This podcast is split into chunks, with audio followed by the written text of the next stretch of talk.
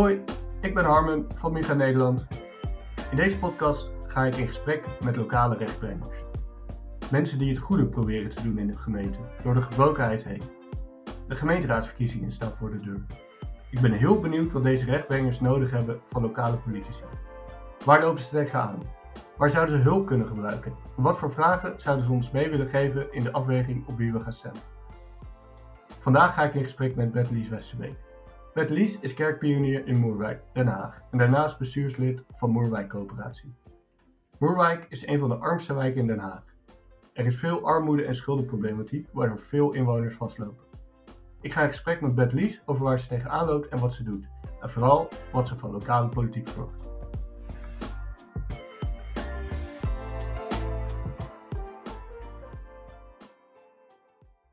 Nou, Bettelies, leuk dat je eh, wil aanschuiven. Eh, zou je ons eh, wat meer kunnen vertellen over wat je eigenlijk precies doet? ja, heb je even. Nee, het is, ehm, ik ben inderdaad kerkpionier, of ik ben begonnen als kerkpionier in Moerwijk. niet alleen een van de armste wijken van Den Haag, maar ook een van de armste wijken van Nederland. Ehm, en ik had de opdracht om daar een, eigenlijk een, een, nieuwe lokale geloofsgemeenschap te stichten vanuit de protestantse kerk. En al gauw merkte ik, ik ben er ook gaan wonen in die buurt. Ook om gewoon te weten wat er speelt en wat er leeft. En ik merkte al heel gauw dat vooral armoede gewoon echt diep, diep in die wijk, um, nou, ze helemaal diep door die wijk heen trekt, zijn sporen hmm. trekt. Um, en dat het op heel veel manieren invloed heeft op hoe mensen uh, functioneren. En dat die armoede ook veel complexer is dan dat mensen gewoon geen geld hebben. Of dat mensen niet met geld om kunnen gaan, maar dat er ook allerlei systemen aan het werk zijn, uh, wet en regelgeving, die mensen ook eigenlijk gevangen houden in die armoede en in die schulden. Heb je daar een, eh, een, een praktisch voorbeeld van? Waar, lopen mensen dan heel erg tegenaan? Wat, wat moet ik voorstellen? Nee, nou ja, wat er. Er zijn een aantal, denk ik, concrete dingen. Is dat um, op het moment dat jij een bijstandsuitkering ontvangt. Um, dat is natuurlijk een recht. We hebben recht op bijstand. Alleen je ziet dat in de uh, in de publieke opinie en ook in de manier waarop de overheid daar eigenlijk mee omgaat, dat recht een beetje aan het verwateren is. Hmm. En mensen moeten tegenprestaties leveren voor hun bijstandsuitkering. En er wordt heel strak gecontroleerd of mensen uh, wel of geen geld bijverdienen. Die bijstandsuitkering is eigenlijk te laag. Die is structureel te laag. Dus mensen krijgen, op het moment dat je de bijstand ontvangt, ben je, ja, creëer je eigenlijk armoede. Maar je mag er dus niks bijverdienen, maar je moet vanuit die bijstand wel aan het werk. Uh, maar op het moment dat je armoede ervaart en armoedestress, is het heel lastig om vooruit te komen in je leven. En op het moment dat je dus bijvoorbeeld boodschappen krijgt of geld ernaast verdient, zwart of wit of op wat voor manier dan ook, dan wordt dat soms heel hard gekort op je uitkering. Uh, waardoor mensen meteen, want ze hebben geen financiële reserves, uh, meteen in de schulden komen. Nou, die hele schuldenindustrie is verschrikkelijk. Boetes op boetes, de overheid die incasseert terwijl mensen geen geld hebben om van te incasseren. Dus je komt heel snel in een soort um, neerwaartse spiraal terecht. En die, die neerwaartse spiraal, hoe, hoe uitzicht dat in jouw omgeving? Hoe zie je dat terug? Ja, je ziet het vooral terug in dat mensen um, ergens bevriezen. Hmm. Dat ze um, een hele korte horizon krijgen. Je gaat echt in overleefstand. Um, en je leeft bij de dag. Wat kan ik vandaag doen om uh, de dag door te komen? Wat kan ik vandaag doen om mijn kinderen te eten te geven? Um, het legt heel veel stress op relaties. Um, dus het is moeilijk voor mensen om ook gelukkig te blijven in hun relaties. Het legt stress in de verhouding uh, van kinderen en ouders. Want um, kinderen die opgroeien in armoede. Nou ja, voor ouders is dat natuurlijk verschrikkelijk als je je kind niet kan geven wat het, wat het nodig heeft. dus ja, mensen die, uh, die lopen gewoon vast. Ja. Hmm. Ja, dat klinkt niet uh, dat het zo bedoeld is. Dat mensen door, door, door juist een steuntje uit de overheid uh, helemaal vast moet, moeten lopen. Ja.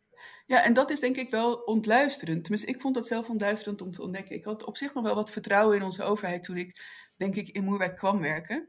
En ik heb nog steeds wel vertrouwen in de, zeg maar, in de individuele uh, um, bewindslieden. Maar als je kijkt naar hoe wij zeg maar, zorg dragen voor mensen die dat nodig hebben, dan is mijn vertrouwen daar wel echt uh, in, geschaad, of geschaad, maar gewoon weg. Ja. ja. En je bent dus een lokale uh, gemeente daar begonnen? Ja, een lokale geloofsgemeenschap. En ja. Waarom een geloofsgemeenschap en niet een buurthuis of wat? Nou, omdat ik denk dat we um, vanuit het evangelie... Sowieso zijn we denk ik als kerk goed in het stichten van gemeenschappen. En in, in een buurt waar mensen dus allemaal eigenlijk worstelen om te overleven, is het van groot belang dat je voor elkaar leert zorgen. Hm. Dus dat, je, eh, dat maakt het leven echt een stuk makkelijker. Ook al heb je allemaal niks, als je het bij elkaar eh, stopt, dan is het toch altijd meer. Ehm, en ook om ehm, in ieder geval het gevoel te hebben dat je er niet alleen voor staat in je leven. En als kerk kunnen we dat goed, omdat ehm, het evangelie ergens, denk ik, heel veel verschillen overstijgt. Maar ook helpt voor mensen om in genade naar zichzelf te kijken. Dus juist op het moment dat je bijvoorbeeld net uit de gevangenis komt, of ehm, je hebt gedoe met jeugdzorg, je kinderen zijn uit huis geplaatst, of je, eh, je loopt vast in je zoveelste baan, dan dat doet natuurlijk wat met wie je, hoe je naar jezelf kijkt en hoe je naar het leven kijkt. En ook hoe ehm, nou ja, letterlijk je ook vast kan zitten in, in, in schuld. Ehm, en als het dan gaat over genade, dat breekt natuurlijk heel veel open in het leven van mensen. Het leert ook om elkaar te vergeven, om nou ja, dat ook met elkaar te oefenen. En we doen natuurlijk ook dingen die je ook bij een buurthuis zou kunnen doen. En we helpen ook mensen met voedselbanken aanvragen. We hebben een buurtuin, ehm, een weggeefwinkel. Maar ook, ehm, ja, ook momenten waarop we even met elkaar een kaars branden en bidden. En eh, met elkaar in gesprek gaan. Of mensen die even hun hart willen uit, uitstorten bij mij als pastor. En eh, s- samenkomsten waarin al die thema's die we dan door de week zeg maar, tegenkomen ook een plek hebben. Waar het ook gaat over armoede, over schulden en over wat God daarvan vindt. En over wat we daar met elkaar aan kunnen doen. Dus juist die verbinding maakt het, denk ik, eh, maakt het sterk. Ja, ja dat, ik vind het ook wel heel inspirerend hoe je dat eh, aan elkaar koppelt. Ik denk dat daar wel een hele kracht in zit. En ook wel heel erg iets, iets verbindends is. Nou, ik, ik denk dat we soms ehm, in de kerk, we hebben het veel hè, over zorg voor de armen, kerk zijn met de, ar- voor de armen. En dat kunnen we denk ik ook goed als kerk. Maar om echt een kerk met en van ehm, mensen te zijn die, eh, ja, het is ook altijd een beetje lelijk om iedereen maar het stempel arm te geven, maar dat is denk ik wel het meest duidelijke. Ehm, maar wat als je kerk nog gewoon vol zit met mensen die geen geld, die het einde van de maand niet halen, of die dus ehm, diep, diep in de schulden zitten. Ehm, ja, wat doet dat dan met je als kerk en hoe ga je daarmee om? Ja, ik denk dat voor mij staat dan, het evangelie het staat de hele tijd op scherp. Ehm, en heeft daardoor juist ook heel veel, ehm, heel veel te zeggen. Ja, ja, ja. Het, het- ik, zit- ik zit gewoon te denken, zelf heb ik, eh, zit ik niet in een gemeente, of nou, in ieder geval eh, niet waar eh, het grote gedeelte armoede heeft. Ja, ik kan me wel voorstellen dat het hele gesprek ook wel verandert en dat het jezelf ook wel een spiegel voorhoudt. Ehm, Ja, zeker. Ja. we zijn hier natuurlijk ook over, om te praten over de lokale politiek en wat, Ja. wat voor invloed die kan hebben. Ik ben eigenlijk heel benieuwd, waar, waar zie je die link met de lokale politiek? eh? Ja, in mijn werk zit hij eigenlijk de hele tijd. Ehm, het is ook voor mij wel een belangrijk onderdeel van mijn werk om dus in contact te staan met de lokale politiek en ook aan te wijzen en aan het licht te brengen, zeg maar, wat er nou misgaat bij ons in de buurt. Ehm, ook, nou ja, wat ik net in het begin ook vertelde, hè, van je kan, ehm, we kunnen als christenen of gewoon als, als eh, eh, ac- actieve buurtbewoners, kan je in de praktische hulpverlening schieten. En dat is ook goed, dat moeten we denk ik ook doen. Ehm, maar dat is, vaak is dat dweilen met de kraan open. Hm. Ehm, en die kraan moet ook dicht. En die kraan die gaat alleen maar dicht als er zeg maar, in onze wetgeving en in onze systemen dingen veranderen. En daar zit voor mij heel duidelijk de link met de politiek. En ehm, wat ik dus heel veel doe, is lokale politici uitnodigen om naar Moerwijk te komen. Om te laten zien, heel direct, wat de invloed is van bepaalde beleidsmatige keuzes. Eh, en ook wat daar dan aan te doen is. Bijvoorbeeld als het gaat over het, eh, nou ja, het, het handhaven op die fraude, eh, op bijstandsuitkeringen. Maar ook wat gebeurt er nou ehm, het zoiets als, het, heel, het is heel technisch, hoor, maar de kostendelersnorm. Dat is Ja. dat je ehm, op het moment dat jij in een, als je een uitkering ontvangt en iemand van boven de 21 woont bij jou in huis, dan wordt die geacht bij te dragen aan, de, ehm, eh, eh, aan, de, aan het huishouden en word je beide gekort op je uitkering. Dat zorgt ervoor dat kinderen dus niet thuis kunnen blijven wonen bij hun ouders. Eh, omdat ze anders te weinig geld hebben. Want als het kind 21 wordt, dan wordt iedereen gekort op die uitkering en is er niet genoeg geld. Maar er is ook een heel groot woningtekort. Eh, dus mensen kunnen ook helemaal niet op zichzelf wonen. Ehm, tegelijkertijd zie je in Moerwijk dat, of in Den Haag, dat eh, Moerwijk is de goedkoopste sociale huur. waardoor eigenlijk alle mensen met problemen, dus die vanuit de GGZ of verslavingszorg of reclassering of statushouders, zeg maar, die worden allemaal bij ons in de wijk geplaatst. Ehm, en er zijn bijna geen voorzieningen voor deze Nee. mensen in de buurt. Waardoor je dus een hele onstabiele ehm, eh, samenstelling krijgt wat, be- wat betreft inwoners. En en je dus portieken hebt waar twee mensen met een psychose wonen, uh, een dealer, een drugsverslaafde en een, kind met vier, en een gezin met vier kinderen. Um, en daar is geen hulpverlening voor, of niet genoeg voor die mensen. Want dat is allemaal, daar zit, is heel veel bezuinigd, waardoor mensen maar één keer in de week of zo iemand over de vloer krijgen. Terwijl we die tien jaar geleden helemaal niet op zichzelf lieten wonen. Nou, en daar kan gewoon beleid op gemaakt worden vanuit de gemeente over hoe je dat doet. En, en wat gebeurt er dan als jij lokale politici uitnodigt? Nou, ik verbaas me erover hoeveel invloed je gewoon kan uitoefenen. um, sowieso zit de lokale politie ook gewoon te wachten op verhaal. Die willen ook gewoon iets doen en iets vertellen en ergens aan bijdragen. En ook, die weten soms ook gewoon niet precies waar ze moeten beginnen, omdat ze ook niet alles, iedereen kennen en alles weten. Dus um, ik denk dat we dat ook niet moeten onderschatten als kerk of als, gewoon als christenen. Van, um, je, kan, je kan soms gewoon mailen van kom je langs en dan komen ze gewoon langs. Um, of je kan bellen en je kan inspreken en daar wordt echt wel naar geluisterd. Um, en op het moment dat je dus steeds ook, wij blijven soms zo hameren op dezelfde dingen. Van, we zeggen al drie jaar, ja, we hebben hulpverlening nodig in deze wijk na vijf uur. Iedereen gaat om vijf uur de wijk uit. Het moet na vijf uur, moeten er ook mensen aanwezig zijn. Nou ja, dat staat nu bijvoorbeeld in bepaalde verkiezingsprogramma's. Um, over het feit dat zeg maar, die druk op, de, uh, op onze wijk veel te hoog wordt. Dat zien we nu ook terug in verkiezingsprogramma's van lokale partijen. En dit is ook gewoon een kwestie van het de hele tijd zeggen. En um, aanwijzen, en daar gaat het denk ik om, want niet in elke stad is dit hetzelfde, maar wat zie jij aan onrechtvaardigheid in jouw stad, in jouw dorp? En um, breng dat onder de aandacht van je, uh, van je politie en vraag of ze er wat aan doen. En probeer als kerk ook aan te geven hoe het anders zou kunnen. Van, hoe zien we het dan wel voor ons? Probeer ook mee te denken.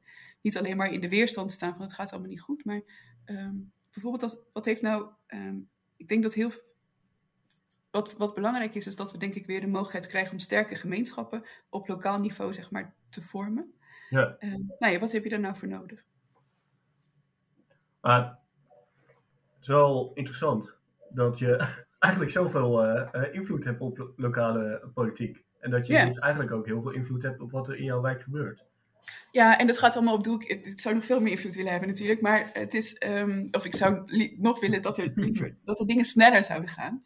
En ook niet alles is lokaal op te lossen. Ik bedoel, er zijn ook. Um, ik bedoel, dit, als het gaat over. Er zijn natuurlijk al heel veel problemen in de jeugdzorg bijvoorbeeld.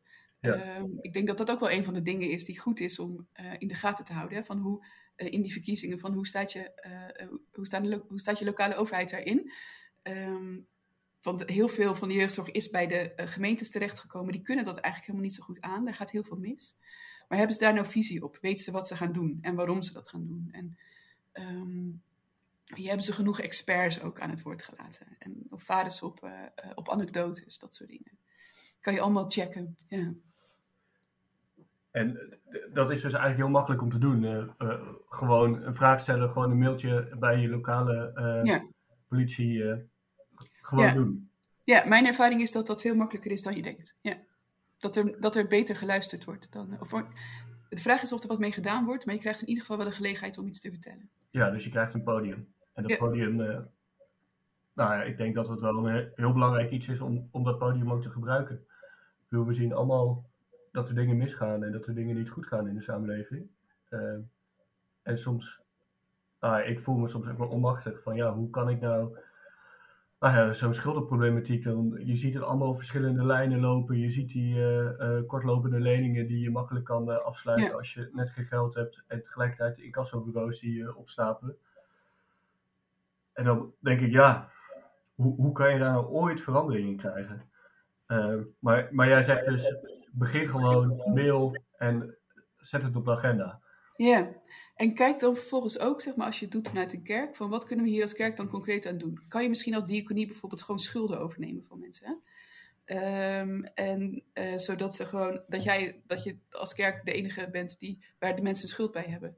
Um, kan je dus letterlijk mensen ook vrijkopen hmm. en vrijzetten. En kan je dat als, ook bijvoorbeeld als voorbeeld geven in, uh, aan, uh, nou ja, de, aan, aan, de politiek van hier zo kan het ook. En het gaat erom dat we, dat we het goede doen met elkaar. Ja. Uh, nou, dank. Ik denk dat dit al wel veel inzicht geeft. Ik uh, wil uh, me eigenlijk al afronden. Ik wil nog een afsluitende vraag stellen. Waarom, we hebben het nu natuurlijk gehad over dat, het, dat je invloed kan hebben op lokale politiek. maar we gaan het nu natuurlijk ook hebben over de, de stem die je kan uitbrengen. de gemeenteraadsverkiezingen staan voor de deur. Waarom is het belangrijk dat mensen juist deze problematiek hoog op hun agenda zetten als ze nou ja, gaan overwegen waar ze op, op kunnen stemmen? Kijk, als je bijvoorbeeld kijkt naar het, eh, wat ik zeg maar als stemadvies zou geven, en ik ga geen partij noemen, maar hoe je zou kunnen kijken naar ehm, een deel van, als je kijkt naar het opkomstpercentage in Moerwijk, dat is nou, krap 40% aan uh, mensen die gaan stemmen. Dus een heel groot gedeelte van de mensen die eigenlijk wel heel direct zorg nodig hebben van de overheid, stemmen niet. Die zijn afgehaakt om hele begrijpelijke redenen. Maar dat betekent ook dat deze mensen vaak niet goed vertegenwoordigd zijn in de lokale politiek of in de landelijke politiek. Dus ik denk dat het van belang is om te kijken naar, ehm, naar de partijen van dienen zij alleen maar hun eigen achterban? Is een partij maar alleen maar actief voor de mensen die op hun stemmen? Of uh, kijken ze ook verder dan dat? En zijn ze ook actief en zetten ze, hebben ze ook scherp op hun netvlies um, wat er nou echt nodig is om een rechtvaardige samenleving zeg maar, te creëren? Ook voor de mensen waar ze, die niet op hun partij zouden stemmen. En dat is voor mij vaak een belangrijke uh, ja, een belangrijke meetlat of zo. En, en hoe kan je dat terugzien? Waar, wat zijn indicatoren volgens jou? Uh... Um, ja, je kan, het, je kan het denk ik in partijprogramma's gewoon terugzien in hoeverre mensen, dus in hoeverre gaat het over um, um, het uh, wordt onderkend dat er een probleem, problematische situatie is rondom uh, bijvoorbeeld energiearmoede op dit moment. Hè? dat, daar gaan we, dat wordt echt een heel groot probleem. Maar is daar bijvoorbeeld gewoon echt een oplossing voor die ook gewoon geld mag kosten? Hmm. Of is het een verkapte bezuinigingsmaatregel? Dat is natuurlijk heel vaak zo. Uh, ook als het gaat over investeren in de zorg of investeren in uh, bijvoorbeeld maatschappelijk werk of een schuldhulpverlening. Is het een verkapte bezuinigingsmaatregel of mag er ook geïnvesteerd worden in daadwerkelijk verbeteren van de systemen die we hebben? Um, en um, ja, dus en, en durven partijen bijvoorbeeld ook te zeggen dat ze um, daar zelf bijvoorbeeld ook een aandeel in hebben gehad. Hè?